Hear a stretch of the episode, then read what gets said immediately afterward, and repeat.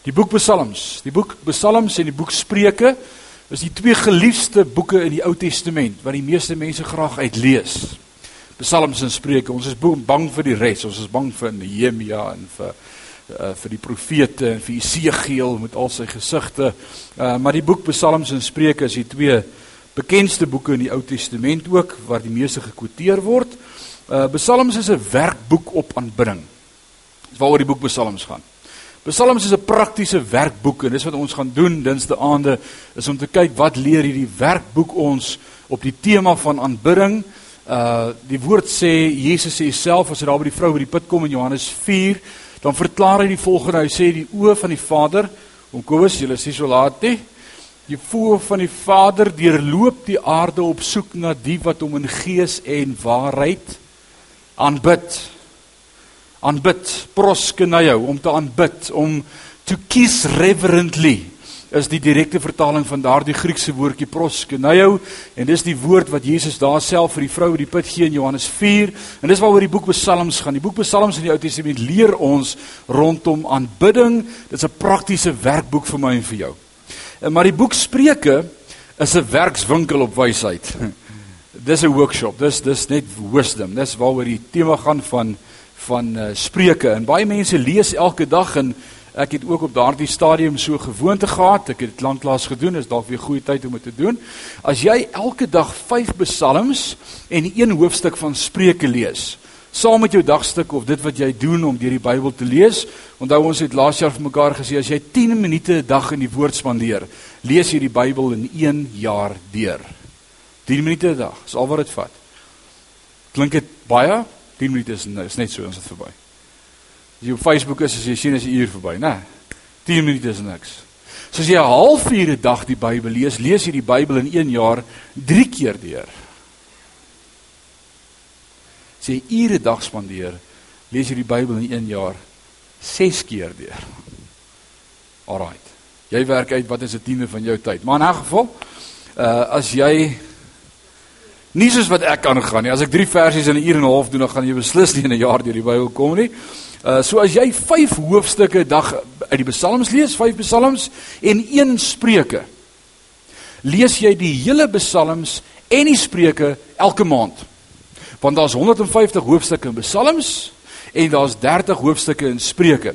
So elke maand lees jy dwars deur die boek Spreuke en dwars deur die boek Psalms en hierdie twee goeters, aanbidding en wysheid. Wat sê die woord van die Here vir ons in Jakobus 1 vers 5? Jakobus skryf, die broer van Jesus en hy sê vir die gemeente, as een van julle dan wysheid kort kom, laat hom dit van die Vader bid wat eenvoudig aan elkeen gee sonder om te verwyd. Dis 'n groot belofte. 'n belofte vir my en vir jou en ons kort wysheid. Wie vanaand kan sê ek kan doen sonder wysheid? Jy's 'n dwaas as jy jou hand sou opsteek. Ons kan doen met wysheid in ons verhoudings, in ons huwelike, in ons ouer-kind verhoudings, in medemensverhoudings, skoolier, ouer, personeel, maak nie saak hoe, wie, waar en wat nie. Ons het wysheid nodig van God. Alraight, so ons kan doen met psalms en spreuke. So ek challenge jou saam met my. Kom ons lees 5 hoofstukke van psalms 'n dag en een hoofstuk van spreuke. En ons sê ek gaan dit deel maak van elke dag van elke dag se Bybel lees. Iewerster, dis 15 minute in die oggend of 15 minute in die aand of iewers tussen 1 en 2, iewers met 'n teetyd, sit met die Bybel, 5 hoofstukke Ou Testament, 5 Psalms, 1 Spreuke. Alraight. 'n Psalm is 'n werksboek op aanbidding sê ons dit motiveer ons nie net om te aanbid nie, maar dit vertel vir ons prakties hoe om te aanbid.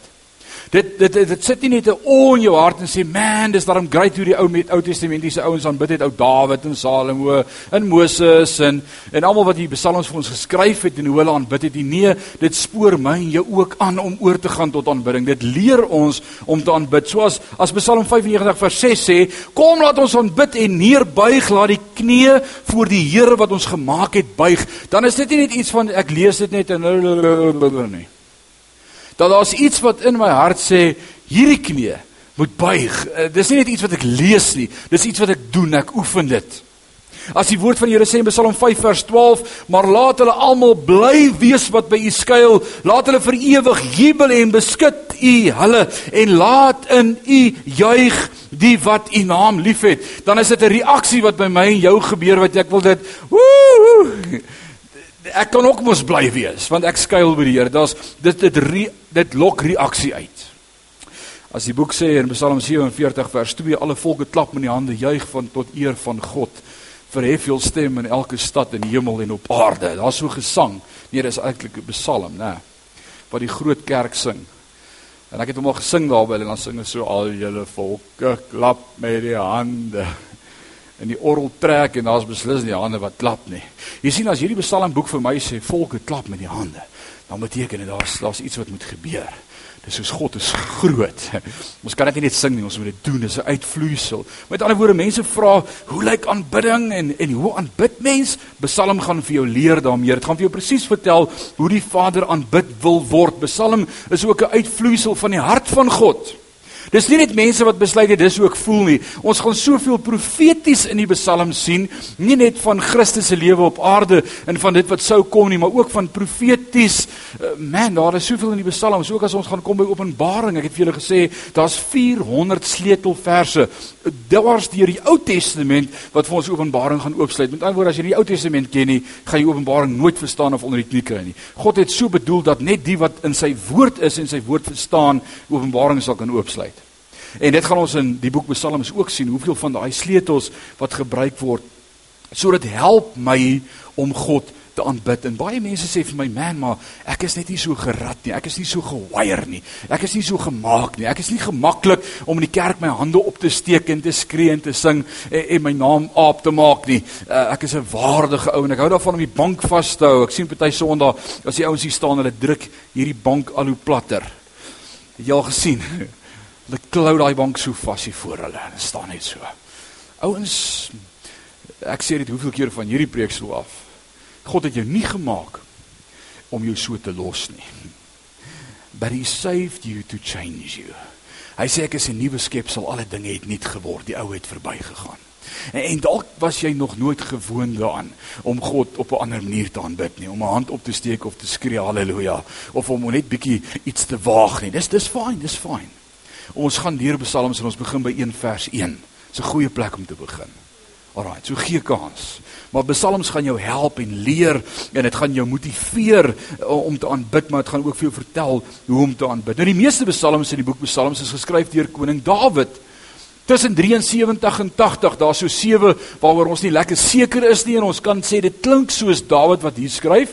Jy jy kom ons in iemand se spraak hoor. Uh, jy weet, onthou julle vir Paulus dat dit sy spraak het om weggegee dat hy disipel van Jesus is. So, maar ons kan sê 73 is ons seker van dis deur Dawid geskryf dis die meerderheid van die psalms wat deur een outeur geskryf is ander uh psalms wat geskryf is is deur Asaf Asaf het 11 geskryf koning Asaf die kinders van Korag die seuns van Korag skryf ek praat die psalms van uh hulle het omtrent 12 geskryf Moses het een geskryf Salomo het een geskryf Haman die Esraït het een geskryf Etan die Esraït het een geskryf en dan is daar so 'n paar wat ons nie lekker oor seker is nie so dis die ouens wat die psalms geskryf het en Dawid word in die Ou Testament genoem die lieflike in die sange van Israel. Dit lyk vir my Dawid was lief om te sing. Hy het dit gelike. Hy skryf die meeste psalms en en die woord verwys na hom as die lieflike in die sange van Israel. Dis daar in Jeremia. Hy het nie geweet dat die Bybel opgeneem sou word dat hierdie psalms opgeskryf gaan wees vir my en vir jou nie. Hierdie was love letters tussen hom en God. Hy het nie vir een oomblik gaan sit en gewonder nee, hierdie woord klink nie mooi nie. Ek wil dit eerder so sê as Marlene dit eendag lees met sy dan dan gees dit klink oulik. Nee, hierdie was intimiteit. Dit was uit sy hart uit na die hart van God toe.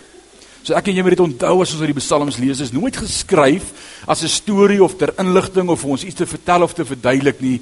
Ons praat die harttaal. Hier gaan ons die hart geopenbaar sien.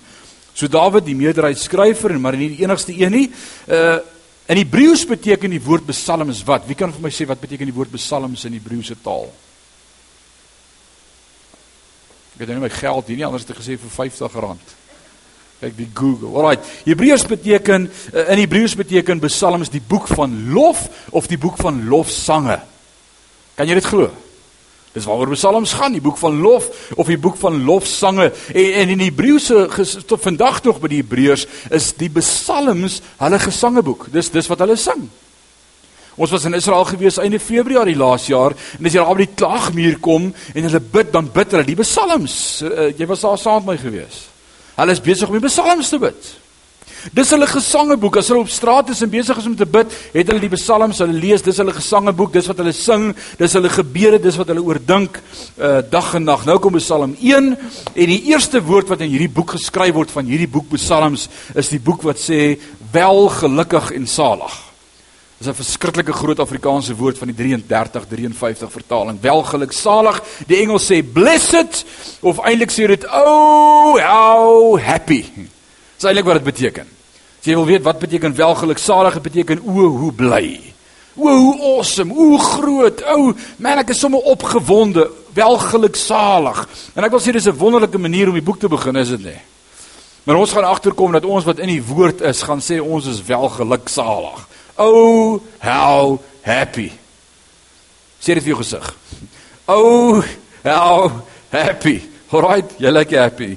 Welgeluksalig is die man wat nie wandel in die raad van die goddelose en nie staan op die weg van die sondaars en nie sit in die kring van die spotters nie. Nou vir my baie interessant in vers 1, hy begin met 'n patroon.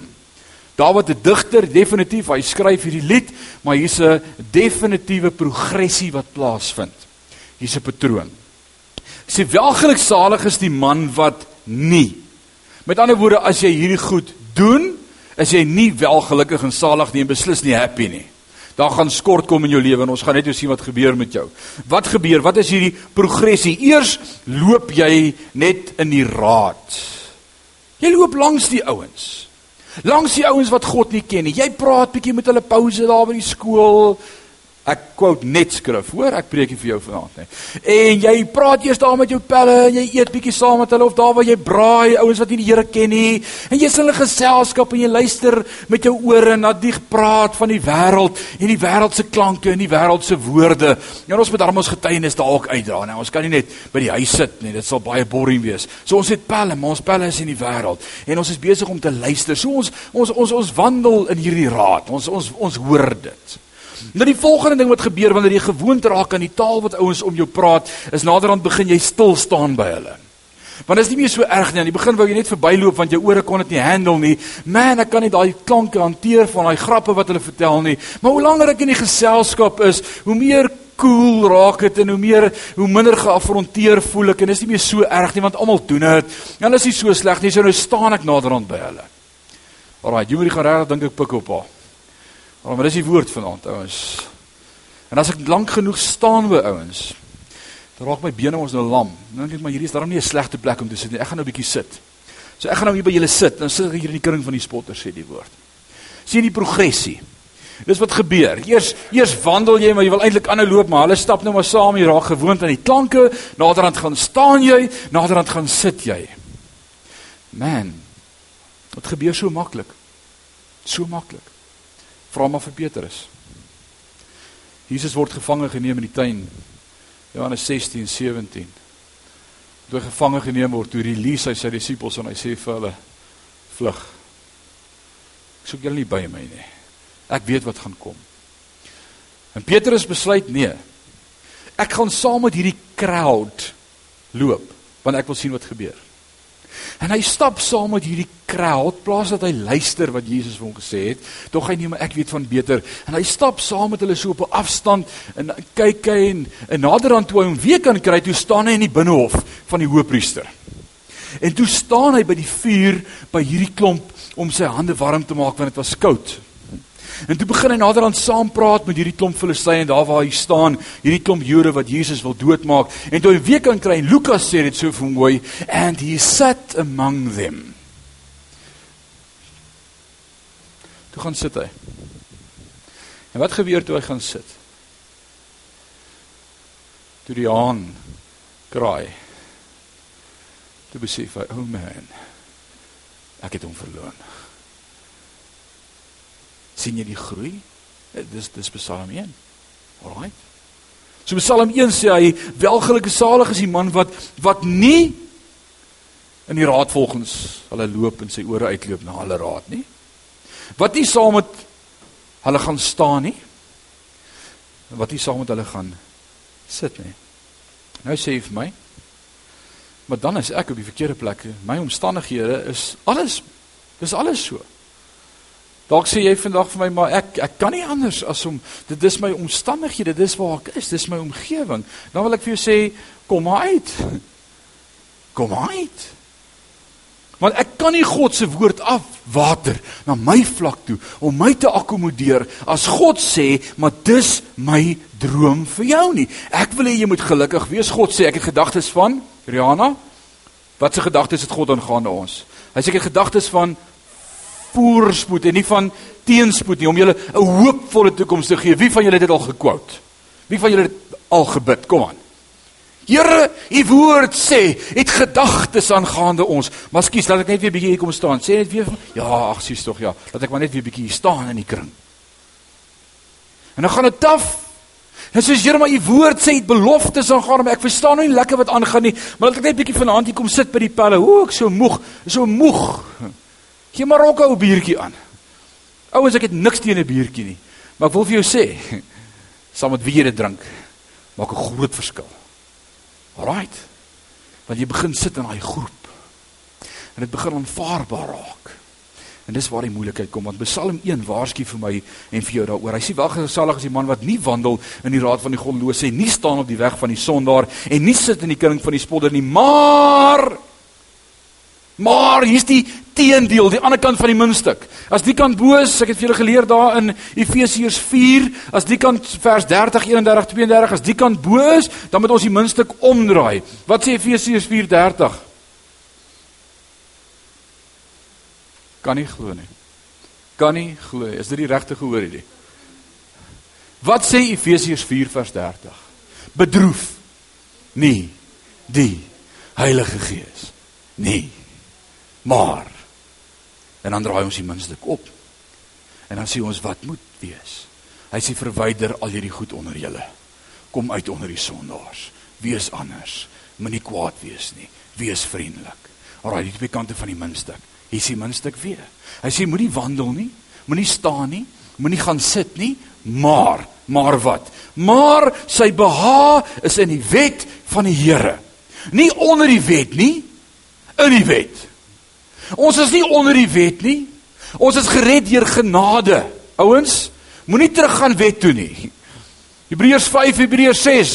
Ons kan nie teruggaan na die wet toe nie. As ons een keer die genade van God gesmaak het en sy genade het ons verlos en gered en ons verstaan genade, dan gaan ons nie terug na werke toe en dink nou moet ons weer doen nie. Doen gaan jou nooit kan red nie. Galasiërs 5 kom so mooi vers 1. Hy sê vir hierdie doel het Christus julle vrygekoop sodat julle waarlik vry kan wees. Daardie Griekse woordjie is die woordjie eleutheros vir hierdie rede. En dan gaan hy aan in Galasiërs 5 en dan sê hy want as een van julle nog die besnydenis aanhang vir redding, met ander woorde besnydenis is die tipe van die wet. Wat is ons die verbondsteken? Hy sê as een van julle nog die besnydenis wil aanhang vir redding, met ander woorde jy vertrou dat die wet jou kan red, kom maar sê hy, dan is jy afgesny van Christus. En dan beter jy daai wet jou red, want Christus beteken vir jou nul. So as Dawid hier kom in Psalm 1 skryf, maar sy beha is in die wet van die Here, in die woord van die Here, in hierdie woorde van God. Dis my beha. Wat het ek vir julle gekwout Sondag aand? Joshua 1 vers 8.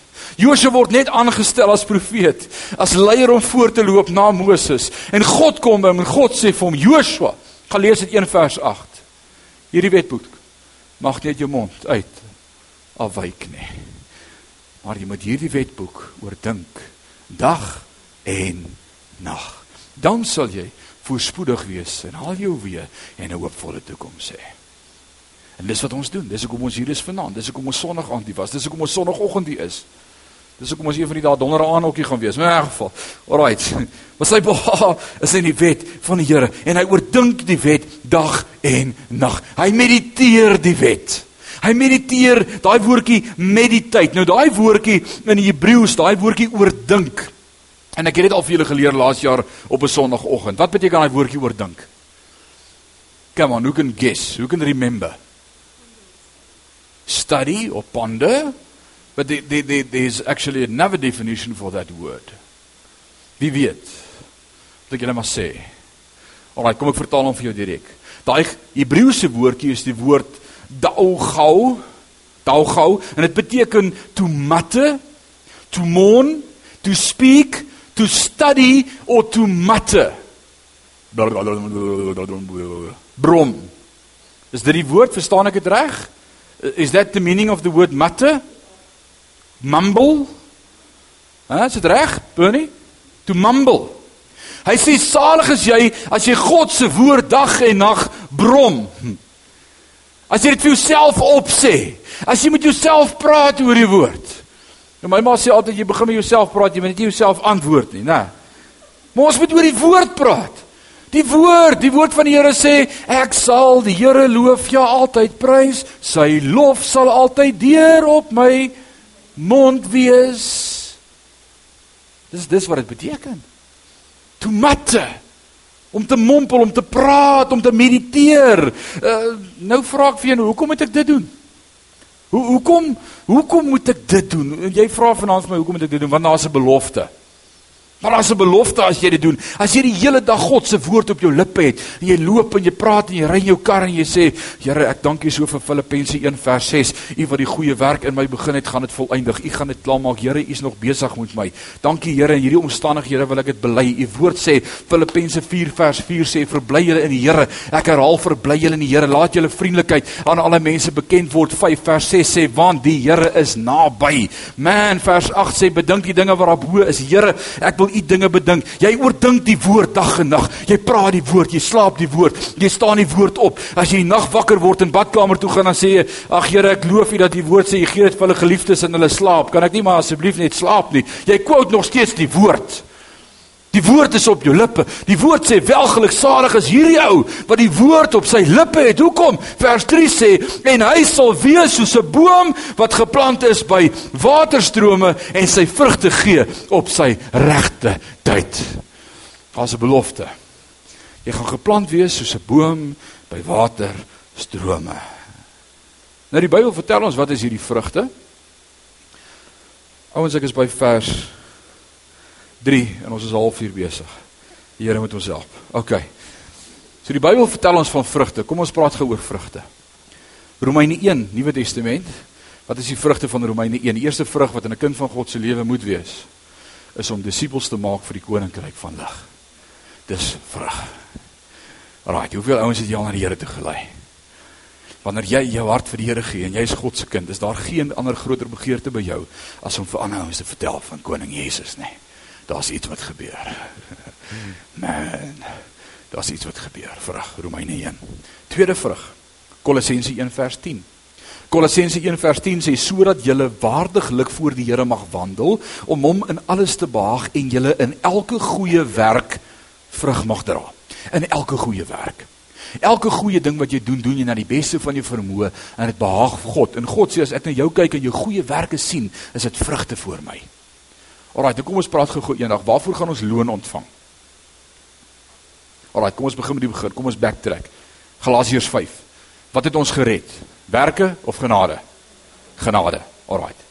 Nou kom ons eendag by die Here, ons is gered deur genade, ons het dit verstaan, ons het nie gedink werke red ons nie. Ons het verstaan die gelykenis Matteus 22, die bruilof, die kleed wat ek aangetrek het, I'm clothed with his, his righteousness, justification just as if I have never sinned. Ek verstaan dit.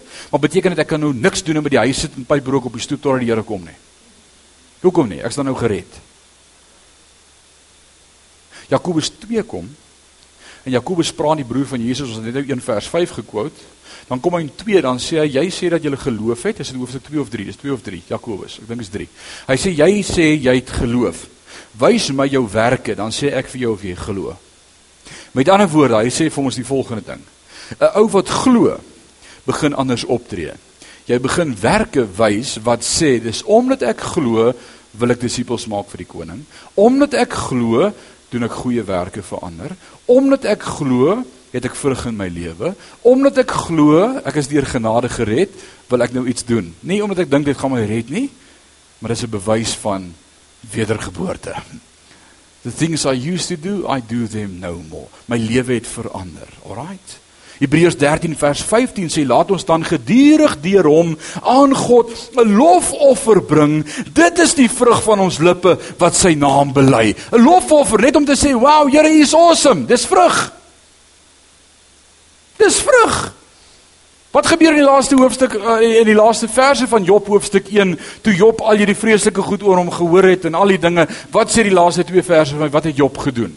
En Job het sy hare afgeskeur, sy klere geskeur voor die Here gaan lê en die engel sê dit so mooi and he worshipped. Dis vrug. Romeine 15 vers 28.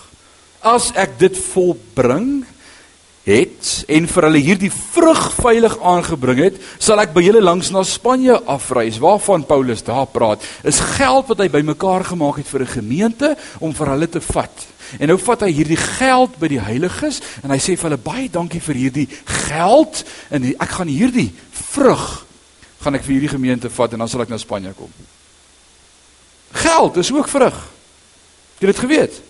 Galasiërs 5 vers 22, dis seker die bekendste vrugte, julle ken dit. En die vrug van die Gees is liefde.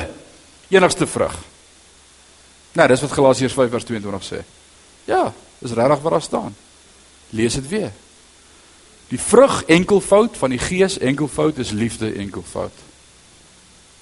As jy die Heilige Gees het, is daar een vrug wat groei in jou lewe en dis liefde. As jy liefde het, kom maar, kom die res. Alraight. As jy liefde het, kom blydskap, Vrede, lankmoedigheid, vriendelikheid, goedheid, getrouheid, sagmoedigheid, selfbeheersing. Dit vloei uit liefde uit. Daarom sê Korintiërs 13 hierdie 3: geloof, hoop, liefde, maar die grootste hiervan is die liefde, want sonder die liefde is ek niks. Wat sou dit beteken ek is bly maar ek het nie liefde nie? Waaroor sal ek vriendelik wees as ek nie liefde het nie? sien jy? Liefde. Alraai, dis vrug. So 1 vers 3 sê en hy sal wees soos 'n bloem geplant by waterstrome wat sy vrugte gee op die regte tyd of op sy tyd 3353 vertaling op sy tyd vrugte gee. Dalk sê jy vanaand vir my maar Jesus, ek is al so lank in die woord. Ek sit nie in die kring van die spotters nie. Ek staan nie by hulle nie. Ek loop nie saam met hulle nie. Ek bly in die woord, maar daar's net nie in my lewe vrug nie. Ek sien niks. Ek voel so flat soos 'n tyre. Dan dank ek God vir die laaste 3 woorde op sy tyd. Op die regte tyd sal jy vrug sien in jou lewe. Hang net vas. En baie ouens raak so haastig en sê maar ek sien nog niks nie. Ek voel nog niks nie. Hang vas. Daar's seisoene. En ek dank God as dit begin verstaan in ons geestelike lewe ook daar's seisoene.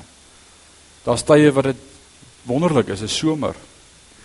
En raak dit herfs en blare begin afval en dinge begin gebeur en God skud die boom en goed val af wat ek nie gedink het gaan afval nie en dit is nie lekker nie. En dit voel vir my my hele lewe stort in duie. God skud vir my en ek het nie geweet hierdie issues is in my hart nie. En God deel daarmee herfs is nodig. En dan kom die wintertyd. In die wintertyd voel dit vir jou jy groei nie, dit voel vir jou jy's dood, dit voel vir jou God praat nie. Bly net in die woord. Bly in die woord. En ek dank God daar kom 'n lente. En ewe skielik dan kom jy agter maar jy's iets besig om nou weer te groei. Voel my die winter is verby. En dan groei en dan kom die somer en dit raak warm en jy groei. Daar's seisoene op die regte tyd. Just stay in it. Keep on doing it. Hy sê en waarvan sy blare nie verwelk nie. Raad maak nie saak hoe die weer lyk nie, ons sal nie verwelk nie. Maak nie saak hoe omstandighede ons beïnvloed nie, ons sal nie verwelk nie. En hy wat En alles wat hy doen sê die woord voer hy voorspoedig uit. So met ander woorde die weg van voorspoed. Waar moet waar moet ons voorspoed? Wees in die woord dag en nag. Alraai, dan gaan jy voorspoed beleef. Soos ouens by my kom en sê hoorie dis taai tye dit gaan nie so lekker nie iewers tref die pop of die fan dinge voel nie lekker nie die die die die waarse wiel val af en die spaarwiel is weg en die stuurwiel is los en voel net alles is deurmekaar, dan is daar een ding wat ek kan sê wat die woord my leer, bly in die woord. Alraai, daar's niks anders, daar's nie daar's nie 'n shortcut nie. Ek kan nie vir jou salf met olie en drie keer spat en dan is dit alles reg nie. Nee, jy moet in die woord bly. Alraai. Bly in die woord. Ek sien nou eendag 'n dagboekie wat sê 1 minute with the master. Dit is dis te min. Alraai, dis dis te min. Dis te min. Ek het Sondag aand vir julle gesê wat beteken gereelde kerkgangers. As 'n navorsing gedoen en die die survey het bepaal dat die gemiddelde Christen sê hulle is gemiddelde kerkgangers, hulle is gemiddelde kerkgangers, gemiddeld gereeld. En toe hulle daai woordjie gereeld ondersoek en presies vasstel wat beteken daai woordjie gereeld vir hulle, hoe, hoeveel was dit gerre? eenmal 'n maand. Dis nie genoeg in die woord nie. Alraight? Nee, konstant. Hoor net Hoor net weer wat het God vir Joshua gesê in Joshua 1 vers 8. Hy sê die wetboek mag nie uit jou mond wyk nie. Dan kom vers 4 Psalm 1. So is dan so is die goddelose mense nie, maar so skaf wat deur die wind verstrooi word. Dis die teendeel.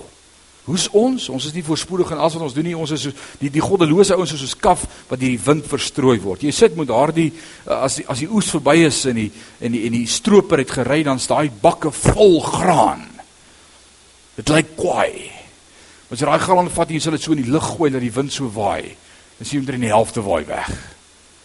Dan dink jy daar waai die hele oes weg. Nee, dis die kaf.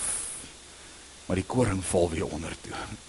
En ek wil vir julle sê soms draai die duiwel ons ook wegwaai. Maar ons val maar net weer in die hand van die Here in. Dis dis die beste plek om te wees. Maar die goddelose, hulle word weggewaai. Weg is hulle.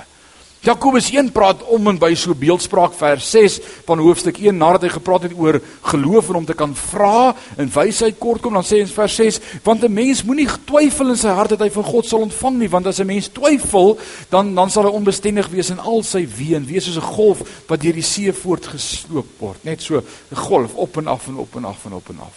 Nou moet nie twyfel wees nie. So as jy ons manier wandel in die raad van die goddelose nie Ons moet nie staan op die weg van die sondaar nie. Ons moet nie sit in die kring van die spotter nie. En hulle mag dalk naby ons wees.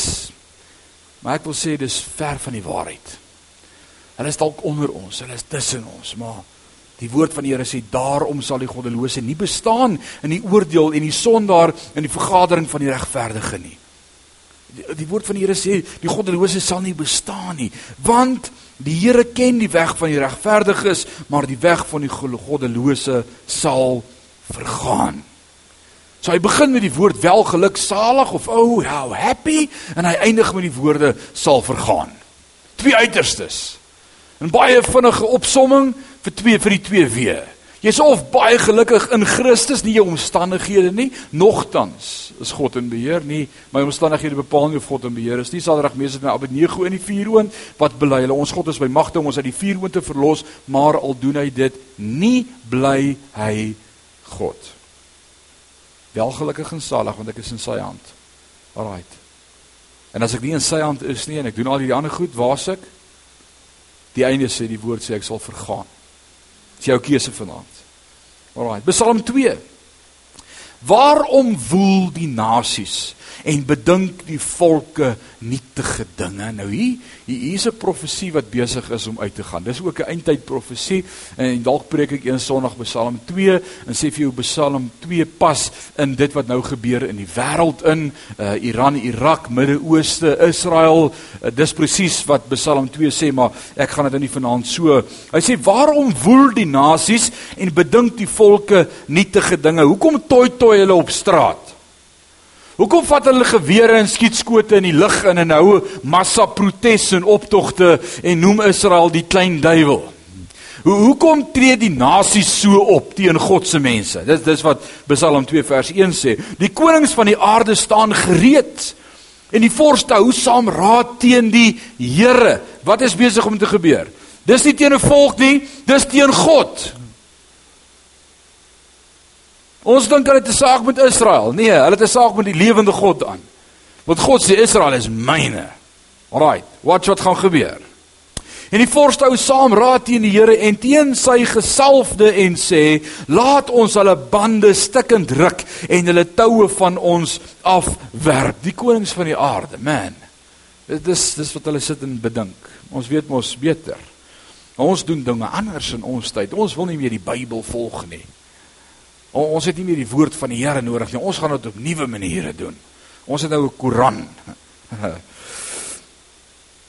Vers 4 sê: Hy wat in die hemel woon, lag. Die Here spot met hulle. Eh, dis 'n lag van ek kan net my kop skud en lag want julle weet nie wat julle doen nie. Dit dis wat dit sê. Alraight. Dan vers 5 sê dan sal hy hulle aanspreek in sy toren en in sy grimmigheid sal hy hulle verskrik en tog het my koning gesalf oor Sion my heilige berg. En tog het my koning gesalf oor Sion, my heilige berg. Wat gaan gebeur? Hierdie is ook profeties van dit wat aan die einde van tyd gaan gebeur op aarde as die koning met wie hulle nou spot dryf. Hy sê as my toorn aanbring, gaan ek my grimmigheid op hulle verskrik en ek sal die koning salf oor Sion. Jesus self gaan in Jerusalem, in Jerusalem op die berg Sion, op die troon gaan sit en vandag gaan hy die aarde regeer vir 1000 jaar lank. Alraai, dis eintyd profesie. Ons is nou nie eers by Openbaring ons is nou by Psalm. Kan jy dit glo? Ek het vir julle gesê dit hou verband. Vers 7 sê ek wil vertel van die besluite. Die Here het aan my gesê, "U is my seun." Nou wie is hier besig om te praat? Is dit Dawid? Dawid dogter is hy. Dis profeties van Jesus. Hoor wat sê hy? Die Here het aan my gesê, ek is u seun. Vandag het ek self u gegenereer. Eis van my en ek wil nasies gee as u erfdeel en die eindes van die aarde as u besitting. Dis Jesus self wat besig is om voorbereiding te doen vir die nasies van die wêreld. Psalm 2. Vers 9. En as Jesus daar in Jerusalem regeer, u sal hulle verpletter met die eysterstaf. U sal hulle stukken slaan soos 'n erdepot. Wat beteken dit? Klink terrible, maar ons weet nie wat dit beteken nie, né? Nou kom ek vertel gou vir jou, daar's 'n gebruik in die ou tyd gewees, wanneer daar oorlog gevoer is tussen die lande met Israel veral en, en tussen daardie lande van die Bybelse tyd dat die dat die die koning van daardie volk wat oorlog voer teen die ander stad voor sou ry op sy perd en hy sou 'n uh, klei vaas of 'n klei pot by hom gehad het en sy koperstaf sy kopersepter of 'n eystersepter En dan as hulle so aankom ten aanskoue van hulle, sal hy daai eystersepter vat en daai klei pot stikken slaan voor hulle, simbolies van dis hoe ons oor julle gaan loop. Ons gaan julle verpletter. Nou imagine hier kom hierdie klomp perde aan en is net stof en jy kyk so deur die verkyker en jy sien daai stuk klei wat so breek en jy weet oor die ek gaan eerder huis toe. Imagine. Alraai, so dis presies wat Jesus hier sê, ek sal hulle verpletter met die eysterstaf en hulle stukke slaan soos 'n erdepot. En dis presies wat gaan gebeur wanneer Jesus gaan regeer met die eysterscepter vir 1000 jaar, die 1000 jaar van vrede wat Openbaring ons van leer. Vers 10 sê: "Wees dan nou verstandig, o konings. Laat julle waarsku, o regters van die aarde. Dien die Here met vrees en juig met bewering." Maar ek ek wil iets vir jou sê gou verhand op hierdie topik. Ek het vanoggend daaroor gedink. En ek wil hê jy moet vir die res van jou lewe onthou. As jy God vrees, vrees jy niks of niemand anders nie. As jy God nie vrees nie, is jy bang vir alles. Het jy dit moet ek dit weer sê? As jy God vrees, vrees jy niemand anders nie. As ek God nie vrees nie, is ek bang vir ander goed. Mag die vrees van die Here op elkeen van ons wees. Want dis al wat saak maak. Die woord van die Here leer ons, hy sê moenie die vrees wat hierdie liggaam kan pynig nie, maar vrees die een wat by magte is om hierdie siel in die verderf te gooi. Man is so great. Alright. Kus die seun dat hy nie toornig word en julle op die weg vergaan nie want gou kan sy toorn ontvlam welgeluksalig is almal wat by hom skuil hier's 'n sleutelvers Psalm 2 vers 12 begin deur te sê kus die seun. Daai woordjie kus is dieselfde woordjie in die Grieks wat sê proskeneo, to kiss reverently like a puppy dog. Dis presies wat dit sê. Met ander woorde om God se voete te soen, om by God se voete tyd te spandeer. Dis aanbidding. Hy sê aanbid die seun, kom lees dit saam met my, aanbid die seun dat hy nie toornig word en julle op die weg vergaan nie, want gou kom sy toorn ontvlam. Welgeluksalig is almal wat by hom skuil. Hy wat skuilings vind en bly by die Allerhoogste sal vertoef onder beskerming van die Almagtige. Dit is wat Psalm 2 vers 12 sê. Alraight. Welgeluksalig is almal wat by hom skuil. Psalm 3 vers 1. 'n Psalm van Dawid toe hy gevlug het vir sy seun Absalom. Nou wat gebeur? Hy was al 'n ou man. En sy seun het 'n betoog teen hom, 'n weerstandsbeweging. Dawid 'n paar foute gemaak. Egbreek. Right, hy het 'n ander man se vrou gevat, so hy het moord gepleeg. Hy moes ontslaa raak van die ou. Hy het gelieg. En nou het Absalom gesê dis tyd dat ek wil koning word. Dis tyd dat jy gaan met 'n weerstand in Israel teen sy pa Dawid teweeggebring. En Dawid het maar van die manne gevat en hulle moes vlug. En in Psalm 3, 4 en 5 sien ons hierdie trilogy, hierdie drie boeke, hierdie vervolgverhaal van Dawid wat besig is om te vlug van Absalom af. Dis wat ons nou hier gaan sien. Kom ons probeer dit vanaand klaarmaak. Hy was 'n ou man. Nou vlug hy uit die stad Jerusalem en hy vlug weg van van van uh, Absalom af en nou skryf hy hierdie Psalm vers 2: O Here, hoe het my teenstander vermenigvuldig? Ewe skielik is hulle baie. Baie staan teen my op. Baie sê van my daar is geen heil vir hom by God nie. Hulle hulle kies kant teen my. Hulle sê jy's 'n moordenaar en 'n egbreker en 'n leenaar. Daar's vir jou geen plek meer by God nie. Uit is jy ons wil jou dood hê. Man. Hulle het nie Dawid se hart geken nie. Hulle het nie geweet wat God van Dawid sê dat Dawid 'n man na my hart is nie. Hulle het nie verstaan dat God 'n God van genade is nie. Hulle het met die wet geoordeel en dan skryf Dawid hierdie een klein woordjie aan die einde van vers 2. Wat is daai woordjie? Wat sien jy om daar? Sela. Wat beteken Sela?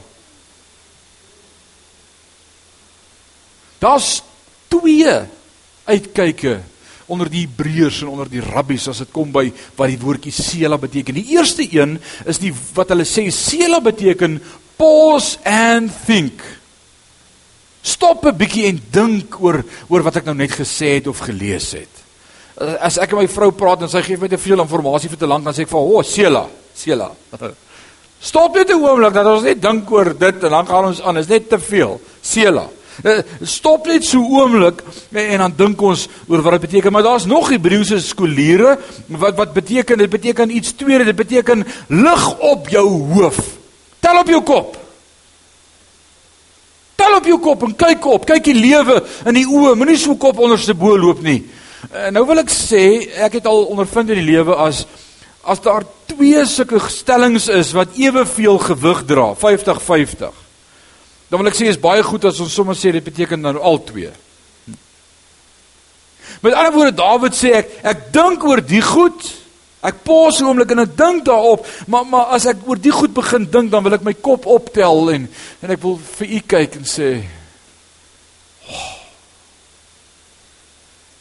geneig, ons is geneig om ons te pause en te dink, maar ons kyk so af en raak depressief en morbid. Die woord van die Here sê kyk op, jou koning kom. Ons dink anders as die wêreld. Ons het ons het 'n koning. Man. Here. Maar u, Here, is 'n skild wat my beskud, my eer en die een wat my hoof optel. Dit klink dit so Sela? Wat wat wat ek het nou net vir jou gesê wat beteken Sela? Tel op jou kop. Nou wat sê die volgende vers? Wat leer ek vir julle? Die volgende vers sê gewoonlik presies wat die vorige vers beteken wat jy nou nie verstaan nie. Jy hoef nie iemand te vra en te bel en call 'n vriend om te hoor wat dit beteken. Lees net aan. Dis presies wat hier gebeur. Maar U Here is my skild wat my beskud, die een die die eer en die een wat my hoof optel. Luid roep ek die Here aan. Wanneer terwyl my seun besig is om my te wil doodmaak, En hy, God, verhoor my van sy heilige berg. Sela. Man, nou laat ek daaroor dink. My kind probeer my doodmaak, maar man, God beskerm my nog die hele tyd. Laat ek bietjie daaroor dink. Laat ek bietjie opkyk in die hemel en sê, "Ha. Oh, ja. Hy beskerm my nog die hele tyd." Jy sien wanneer ek en jy begin dink oor ons issues en ons uh, ons ons haal nie God uit die prentjie uit nie, ons kyk net so oomblik op dan wil ek vir jou sê kry ons gewoonlik dadelik die antwoord. Maar die Here sê maar wees net stil en weet ek is God. Sst, sst, ek het 'n plan met jou. Sela. Alright. Luid roep ek die Here aan en hy verhoor my van sy heilige berg af. Ek het gaan lê en aan die slaap en aan die slaap mag raak, sê my Afrikaanse 33:53 vertaling. Dis verkeerd, hoor. Dit beteken of om om aan die slaap te raak of ek het aan die slaap geraak, maar hy het geslaap. Nie om te raak nie. Mag raak nie. Hy sê ek het gaan lê aan die bed om aan die slaap te raak. Ek het wakker geword van die Here ondersteun my. Ek, ek het gaan lê en nie geweet hoe ver agter my is Absalom en sy manskappe en, en of ek ooit môre die daglig gaan sien nie. Ek het nie geweet of hulle vir my vanaand met 'n spies deur die kop gaan gaan gaan doodmaak nie. Ek het ek het net besluit ek is moeg, ek moet slaap. En ek word wakker en, en ek lewe nog. Hoeveel aande het jy al gaan slaap en gedink dis die laaste aand? Of ek wens dis die laaste aand. Of ek sien nie meer kans nie. As jy maar môre weer wakker word, dan God jou wakker gemaak en hou jy nog steeds vas. Dis wat dis wat Dawid sê. Alraight. Jy het my behou. Vers 7 sê ek sal nie vrees vir 10000 van die mense wat rondom teen my gereed staan nie. Staan op, Here, verlos my, my God. Ek is nie bang vir hulle nie, maar ek kan dit nie doen nie. En ek wil sê dis die gesindheid wat in my en jou hart moet wees. Ons kan nie onsself red nie, net hy kan ons red, maar ons hoef nie bang te wees nie, want as jy die Here vrees, vrees jy niks anders nie. Jy moet dit onthou. It's awesome. Nou daai woordjie Here staan op komma Here, daai woordjie Here is die woordjie Jehovah. Wat beteken dit? Wat beteken Jehovah? Jehovah beteken God my redder. Dis Jehovah. Dis een van die name van die attribute van God. En nou sê hy dit, hy sê staan op, Jehovah, verlos my, my God. Van wie praat hy? Wie het opgestaan om ons te verlos? Jesus Christus. Ons Jehovah. Ons ons Jehovah.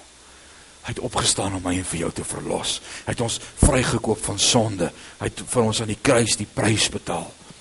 Want jy het al my vyande op die kakebeen geslaan. Jy het die tande van die goddelose stikkend gebreek.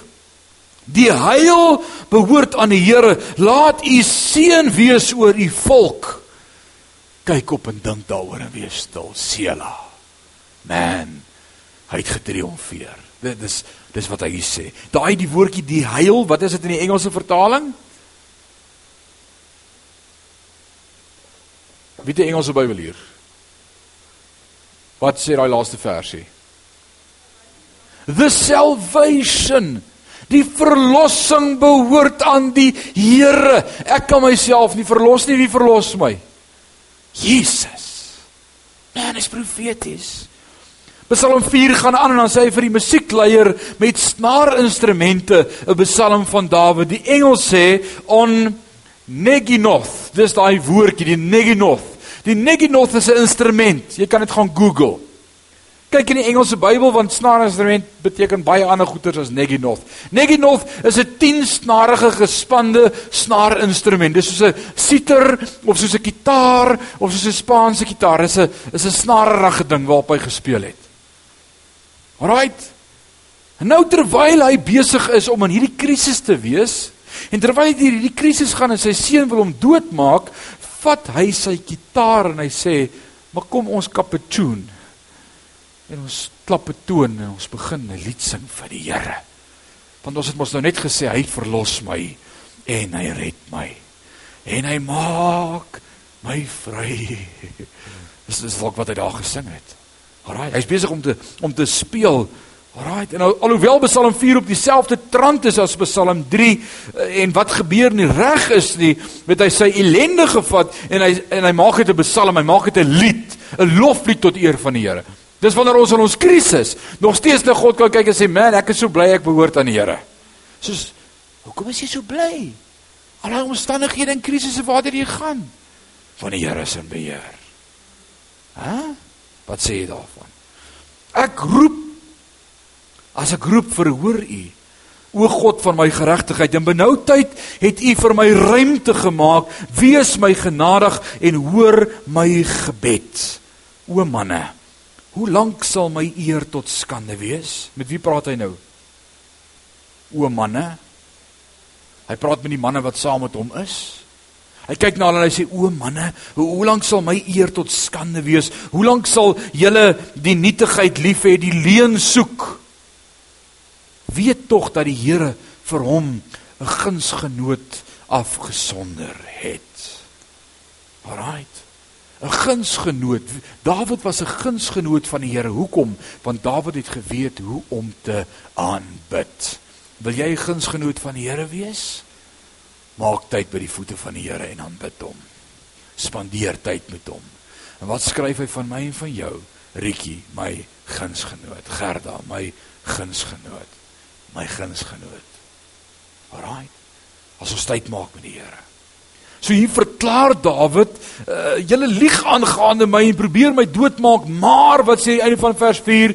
Die Here hoor as ek hom aanroep. Wie kan sê amen? Sê wie amen. Sê wie amen. Alraai. Sidder en moenie sondig nie. Spreek in julle hart op julle gebed en wees stil. Hy sê vir sy vyande, gaan slaap en bly net bly net stil. Hulle net op praat en gaan slaap eerder.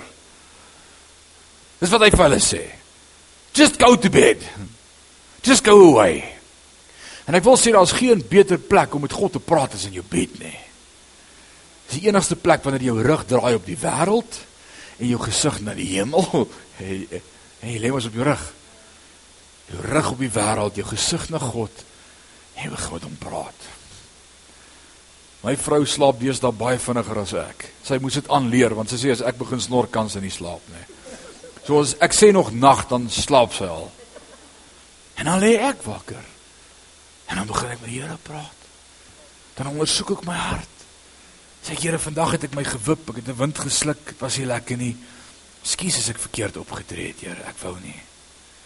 En dan praat die Heilige Gees met my. Die woord van die Here sê ons moenie kwaad gaan slaap nie, jy het al gelees. Hy sê moenie na die son ondergang oor jou toorn nie. Ek kan nie slaap as ek kwaad is nie, ek weet nie van jou nie. Ek ek kan nie. Dan lê ek in die bed en ek dink en ek praat en ek praat met die Here. Maak my hart oop. Naderhand staan ek op en gemaak vir my tee en as ek terugkom maak ek my vrou wakker en sê ek ek is jammer ek was verkeerd. Sy sê sy slaap nie en dan sê ek nee, jy moet my eers vergewe, ek kan nie slaap nie. Gewoonlik sê sy dan net ek vergewe jou. Maar sy is te moeg om verder te beklei met my. En môreoggend as sy wil aangaan, sê ek my liefie, waarvan praat jy? Jy het dan gesê vergewe my. Dit werk soos 'n bom. Right. Dis verniet, jy betaal nie vanaand daarvoor nie. Dit werk regtig. Hoor wat sê vers 6. Offer offerandes van geregtigheid en vertrou op die Here. Baie sê, wie, wie sal ons die goeie laat sien? Verhef oor ons die lig van die aangesig, Here. Hy sê verhef, hy sê show me your face. Ek lê op my bed en ek praat met die Here oor dit wat in my hart is en ek sê Here, wie, wie sal my gesig wys? Hoe sal ek die gesig kan sien? My eie seun probeer my doodmaak en dan sê hy, "Maar groter vreugde het U in my hart gegee." Man, dis dis dis dan wanneer die wêreld nie lekker verstaan wat fout is hierbo nie. Wanneer alles skeefloop en jy het 'n smile op jou gesig en jy sê God is in beheer. Maak nie sin nie. Dawid sê groter vreugde het een my hart gegee as wanneer hulle koring en hulle mos oorvloedig is. Man man, het iets gebeur in my hart. Vers 9 sê ek wil in vrede gaan lê en met eens aan die slaap raak want u o Here alleen laat my in veiligheid woon. Ek wil vir jou sê in jou omstandighede, in jou krisis, Net God laat jou in vrede woon. En 'n kind van die Here gaan lê in die aand en spring op en voel aan al die traliehekke en die veiligheidsdiewering in die vensters en stel die alarm 10 keer om seker te maak hy's aan nie. Right. Wanneer ek hier aand op my bed gaan lê, dan sê ek, Here, ek behoort aan U. Dankie vir U vrede. Dankie dat U woord sê U hou die waak oor my. Lekker wakker bly, night. Ek gaan nou slaap. Klaar. Dis wat die woord van die Here my leer. Nou kom Psalm 5 en die storie gaan aan, die vervolgingsverhaal vir die musiekleier met fluitte, upon die, die Engels sê upon nehilototh. Nee, nehiloth, nehiloth. Die nehiloth het ek gaan oplees bietjie oor, dis 'n fluitinstrument met 'n baie lae klank. Is nie chirpy nie. As dit 'n snaarinstrument sou wees soos dit sou die basviool of die cello wees, het 'n lae klank. So dis 'n fluitinstrument, maar met 'n hy's 'n oktaaf laer. Oh, hieronder. Ons maak nog steeds musiek, maar ons is nou oh, hieronder. Alraai, ek wil hê jy moet hoor wat Dawid sê, wie moet hierdie goed speel. Hier's nou iets 'n ander rad wat hy insit.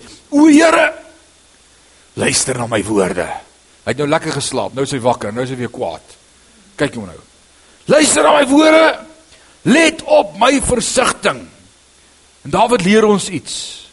Hy sê ek mediteer, ek praat met myself, maar eintlik wil ek vir u sê, Here, u moet nou luister wat ek vir myself sê, want ek praat eintlik met u. Met wie praat jy as jy met jouself praat? Praat jy met jouself of praat jy met die Here? Dawid sê ek besig om met myself te praat. Here, maar u moet luister want ek besig om te praat en ek praat saam met u ook. Wanneer ek praat, moet ek met God praat want hy hoor in elk geval altyd alles. So as jy met jouself praat, praat eerder met die Here, dis baie beter. Hy sê gee ag op my stem en my hulpgeroep, my koning en my God, want tot U bid ek. In die môre, Here, sal U my stem hoor. En ek wil sê dis 'n goeie beginsel in elke kind van God se lewe om te sê in die môre sal U my stem hoor. Hoe lank op 'n dag moet die Here wag voor hy jou stem hoor? Eers al die goed doen, eers opstaan, wakker word, stort, koffie drink, ontbyt eet, kinders wakker maak, skool toe ry, dan moet jy jaag vir die werk, dan moet jy jaag vir die huis om die kinders te kry, dan moet jy vir hulle kos gee, dan jaag jy terug na jou werk toe. Vanaand jaag jy huis toe om kos te maak. Dan moet al die goed gedoen word. Dis huiswerk, dis boeke oortrek die afgelope week, al die dinge wat moet gebeur. 8 uur is ligte uit vir die kinders en dan val jy op die bed en sê, "Man, ek het nog eers vandag met die Here gepraat nie, maar ek is nou so moeg." Dawid sê, die eerste ding in die oggend wat ek gaan doen, is u gaan my stem hoor. Ek wil sê dis 'n goeie goeie dissipline in elke kind van God se lewe. En ek het vir my vrou gesê, dan stel ons ons horlosietjies so uur vroeër. Dit beteken ons gaan slaap 'n uur vroeër, maar wat gedoen word, moet gedoen word. Eerste. Die Here moet jou stem hoor. En ek wil sy stem hoor. In die môre sal ek dit aan u voorlê en afwag. Hierdie is 'n verskriklike mooi twee woordjies voorlê en afwag. As ons gaan kyk na die Hebreëse taal, daar waar dit uitkom voorlê en afwag, is die woordjies wat die priesters gebruik het wanneer hulle die offer op die altaar geplaas het sodat hulle kon offer vir die sondes van die volk. Hoor wat gebeur. Hy sê ek sal dit voorlê en afwag. Ek gaan dit op die altaar sit en ek gaan terug staan en sê Here, is dit aanneemlik? Is U happy met wat ek gebring het? Of moet ek iets anders bring? Daar's 'n antisipasie, daar's 'n afwagting, daar's 'n verwagting. Dis hierdie woordjie voorlê en afwag. Dis nie half deur die slaap met my koppie koffie en my slippers en my gown en val daar in die hoek en sit die liggie aan en sê ag Here Jesus in hierdie dag wat ek dit al ja ja amen.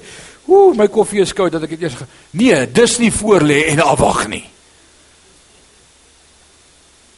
Moet ek dit meer prakties demonstreer? Ek kan nie. Voor lê en afwag as ek spring hier die shower en my gesig geskoon en my hare gekam en ek vat my Bybel en ek gaan sit in die hoek in die sitkamer en maak die deur toe. Sê Here Hierdie is ons tyd. Ek is ek is wakker. Ek wil elke woord inneem. Ek wil met U praat. Ek wil hê jy moet verstaan wat ek sê en ek wil ek wil terug staan en sê Here, sit reg. Ek wil aanneemlike reukoffer voor U troon wees. Ek ek is reg. Ek sien half deur die slaap nie. Hoeveel van julle raak aan die slaap as julle bid? Moenie hand opsteek nie. Alraight. Alraight. Hulle sê mos die beste slaappil is die gospel. Ja, vir party mense is dit so. Alraight. Vers vers 5 sê. Want U is nie 'n God wat behaag het in goddeloosheid nie. Die kwaaddoener sal by U nie vertoef nie. Die onsinnige sal voor U oë nie stand hou nie. U haat al die werkers van ongeregtigheid. U sal die leuensprekers laat opkom van die man van bloed en bedrog het die Here afskie maar ek deur die grootheid van die groentierenheid mag ek in die huis ingaan en buig na die heilige tempel in u vrees. Nou klink dit hier bietjie is nou 'n ander rad Nou ek onthou toe ek laas jaar 'n paar aandienste gepraat het oor worship en oor aanbidding en om die psalms te bid en ons het die week voor dit gepraat oor vergifnis, toe dink ek amper dit was een van julle, ek dink amper dit was jy wat daai aan daar gesit het. En ge, jy het net hier gesit, maar daar gesit toe sy wou saam bid in die psalms. Toe sê sy, "Maar kan ons nie dan uit die psalms bid, Here, breek hulle bene en vermorsel hulle en maak hulle uit die pad uit nie." Dis ons psalms quotes. Ja, ek wil vanaand vir jou 'n antwoord gee dat jy iets sal verstaan. Ek wil jy moet mooi luister. Dis 5 oor. Ek beloof ek gaan nog net 5 minute wees. Is dit reg? 5 minute. Dis so klaar met Psalm 5. Psalm 5 Psalm 17 28 35 40 55 59 70 71 79 80 94 129 137 139 en 140 is die psalms wat die volgende naam het. Ons praat daarvan in die Engelse konkordansie as die imprecatory psalms. Die Afrikaans vir daai woord beteken die vervloekte psalms. It's the cursing psalms. Dis die psalms wat Dis die wat ons baie keer wil bid oor ons vyande. Nee. Ag kom aan, soos kan heilig wees dit. Ons wil almal. Kom ek help jou met iets vanaand uit hierdie psalms uit verbrys hulle, hulle breek hulle bene, maak hulle dood. Laat die honde hulle bloed oplek. Dis dis daai psalms. Julle julle sal hulle kry. Ek sal hulle weer vir julle gee as julle hulle wil hê. En ek wil sien wat ek dit nou gee. Alraai, kom ek gee dit weer vir julle. Dan kan julle dit gaan lees. Psalm 5, 17, 28, 35,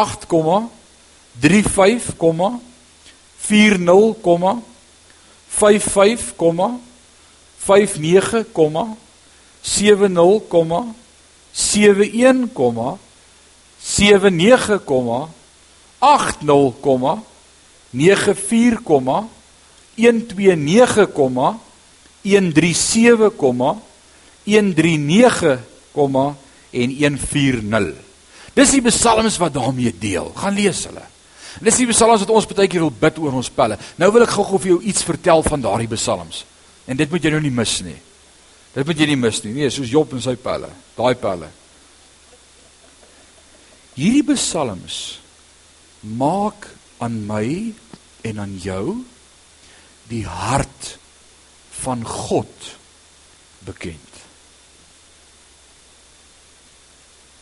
Sê wat? Die hart van God.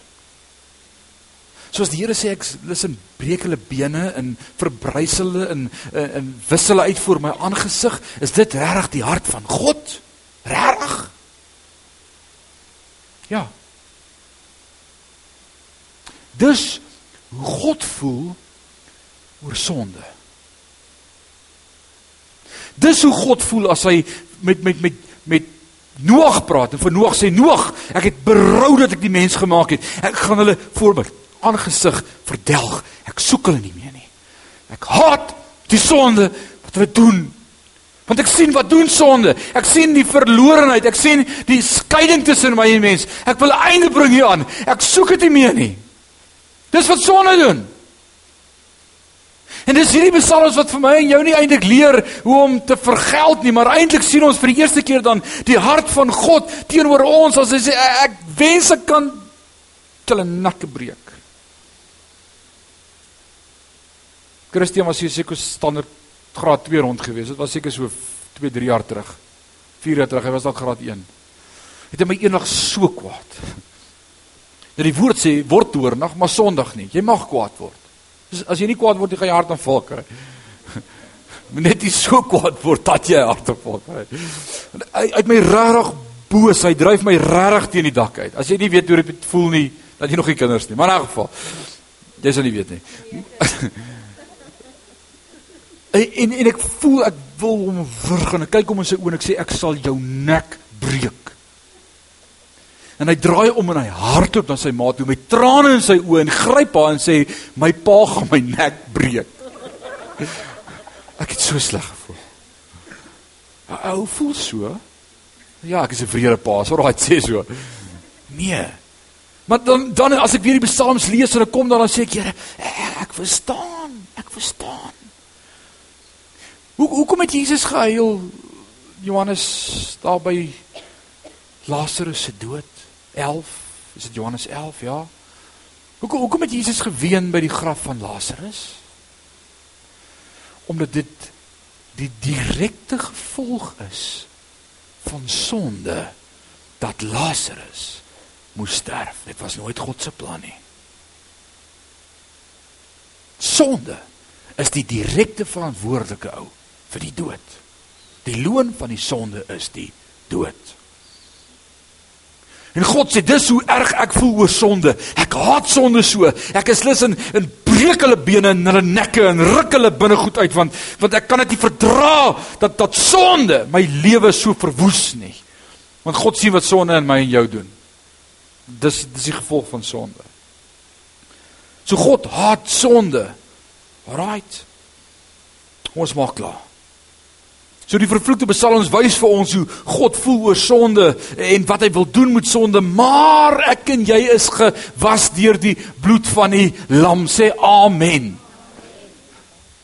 Anders het God ons nekke gebreek en ons bene gebreek en ons vir die honde gegooi om op te eet. Maar dank God daar was 'n Jesus. Here, lei my in u geregtigheid om my vyande ontwil. Maak U weg voor my reg. Want in hulle mond is niks betroubaar nie. Hulle binneste bring onheil. Hulle keel is 'n oop graf. Hulle maak hul tong glad. Verklaar hulle skuldig, o Here. Laat hulle val deur hulle planne. Dryf hulle weg oor die menigte van hulle oortredinge, want hulle is wederstrewig teen U. Hulle soek U nie. Maar laat hulle almal bly wees wat by U skuil. Dis die ander kant van die muntstuk. Hier hierdie ouens is wederstrewig en hulle wil nie dien nie. Here maar. Maar aan die ander kant. Laat die wat by U skuil bly wees. Laat hulle vir ewig jubel en beskud U hulle en laat in U juig die wat U naam liefhet want U seën die regverdige. O Here, U omring hom met welbehae soos met 'n skild. As jy geklee met die kleed Jesus Christus en sy geregtigheid Matteus 22 die bruilof het jy al die kleed aangetrek en sê ek hoef nie meer voor God te gaan staan met my eie dade nie maar as hy na my kyk sien hy sy seun Jesus Christus hy sê u omsingel my soos 'n skild. Man is great. Alright ouens, kom ons staan en bid ons saam.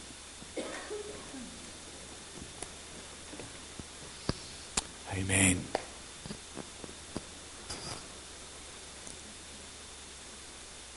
Hemelse Vader, hoe wonderlik is dit om tyd te spandeer met U woord. Hoe baie leer ons, hoe baie sien ons. En hoe wonderlik is dit om u hartklop te ontdek tussen die blaaie van die Bybel. Vanaand het ons so baie geleer net oor ons verhouding met u. En ook u, hoe u oor ons voel en hoe u ons beskerm en dit wat gaan gebeur ook profeties en eskatologies en al hierdie groot goed.